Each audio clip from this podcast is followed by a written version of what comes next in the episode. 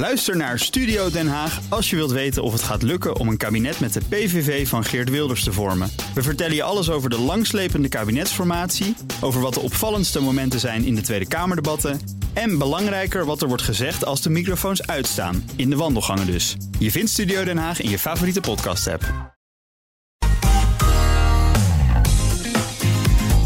Ongevraagd advies. Na de toeslagenaffaire werd er een algoritmeregister gelanceerd om de overheid transparanter te maken.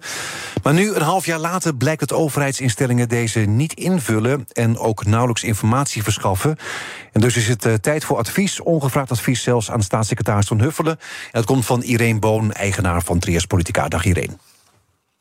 Dag Edwin, goedemiddag. Goedemiddag. Ja, niet iedereen weet wat het algoritmeregister precies is. Kan je het nog even kort uitleggen? Ja, het is eh, zoals je zei al eh, ontstaan eh, als antwoord op de problemen met de toeslagenaffaire.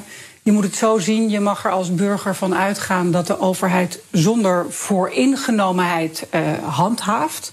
Dus als er mensen werken, dat die niet discrimineren. Mm. En nu gaat het erom dat onder invloed van de toenemende digitalisering ook de algoritmes waar de overheid mee werkt, die dus selecteren wie ze gaan bekijken dat die ook zonder discriminatie werken. Daar gaat het eigenlijk over. Ja, dus in het register kunnen overheidsinstellingen als gemeente en ministerie aangeven hoe ze dan tot geautomatiseerde besluiten komen, hè? Ja, precies. De bedoeling is dat er, er is een soort uh, werkagenda waardegedreven digitaliseren, waar dit uh, allemaal uit voort is gekomen. Uh, en de bedoeling is dat er een register komt dat uiteindelijk alle burgers met één druk op de knop laat zien dat er niet geselecteerd het is op nationaliteit, woonplaats, bankgegevens. Nou, allemaal privacygevoelige informatie. Mm. Uh, zoals dat wel gebeurd is in de toeslagenaffaire.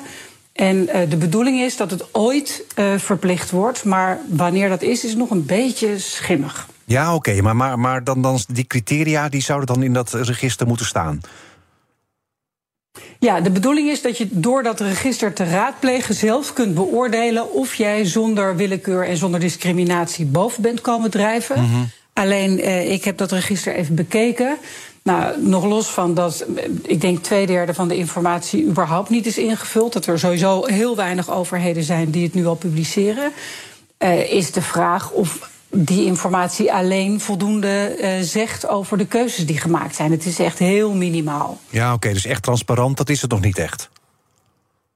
Nee, er, er, staan gewoon hele algemene dingen in. Dus we hebben een algoritme en dat algoritme uh, bepaalt uh, deze en deze informatie bekijkt het. Maar de toepassing ervan en wat het in jouw geval betekent. Kijk, als jij een boete krijgt, wil je natuurlijk als burger weten: oké, welke wet heb ik dan overtreden? Mm -hmm. uh, in welke mate heb ik dat. Ja, waarom, waarom krijg ik die boete? Welke wet heb ik al overtreden? In welke mate heb ik dat dan gedaan, zeg maar? Hè? Dus hoe, hoeveel hard, hard reed ik dan bijvoorbeeld?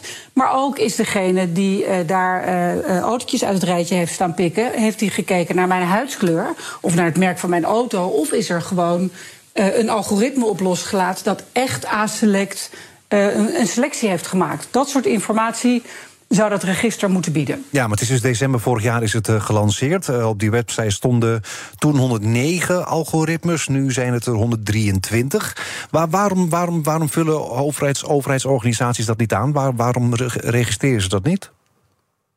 Nou ja, het is nog niet verplicht. Uh, de staatssecretaris heeft gezegd dat ze wilde wachten op de uh, AI-richtlijn. Waarom is mij eerlijk gezegd niet helemaal duidelijk. Volgens mij is die richtlijn er ook, dus je hoeft er niet meer op te wachten. Uh, en aan de andere kant zijn er natuurlijk altijd uh, gemeenten die denken: ja, hoe transparanter, hoe meer gesodemieter we kunnen krijgen. Want dat is natuurlijk de bedoeling ervan. Ja. Als het voor jou heel duidelijk is dat er iets mis is gegaan, dat je met die informatie uh, zo'n besluit kan aanvechten. Dus hier zie je weer dat een overheid die zichzelf uh, doorschijnender moet maken op dat burgers en bedrijven daar wat van kunnen vinden. Ineens toch heel veel andere dingen te doen heeft voordat ze dit uh, gaat naleven. En wat is nu je ongevraagd advies aan staatssecretaris Van Huffelen? Nou, eigenlijk dat dat, dat, dat algoritme-register op zichzelf uh, ons als burgers en ondernemers niet zo heel veel zegt. Daar kunnen we wat ene en nullen in nalezen, maar goed, dat is niet voor iedereen weggelegd om dat te kunnen duiden. Wij willen eigenlijk veel liever weten wat er in ons geval bij deze boete nou precies gespeeld heeft. Dus er moet onder de besluiten gewoon een verwijzing komen naar welk algoritme het is geweest en welke toepassing het heeft gehad. Pas dan ben je echt transparant als overheid. Dankjewel, Irene Boon, eigenaar van Trias Politica. Ook Bas van Werven vind je in de BNR-app. Ja, je kunt live naar mij en Iwan luisteren tijdens de ochtendspits. Je krijgt een melding van Breaking News. En niet alleen onze podcast Ochtendnieuws, maar alle BNR-podcasts vind je in de app. Download nu de gratis BNR-app en blijf scherp.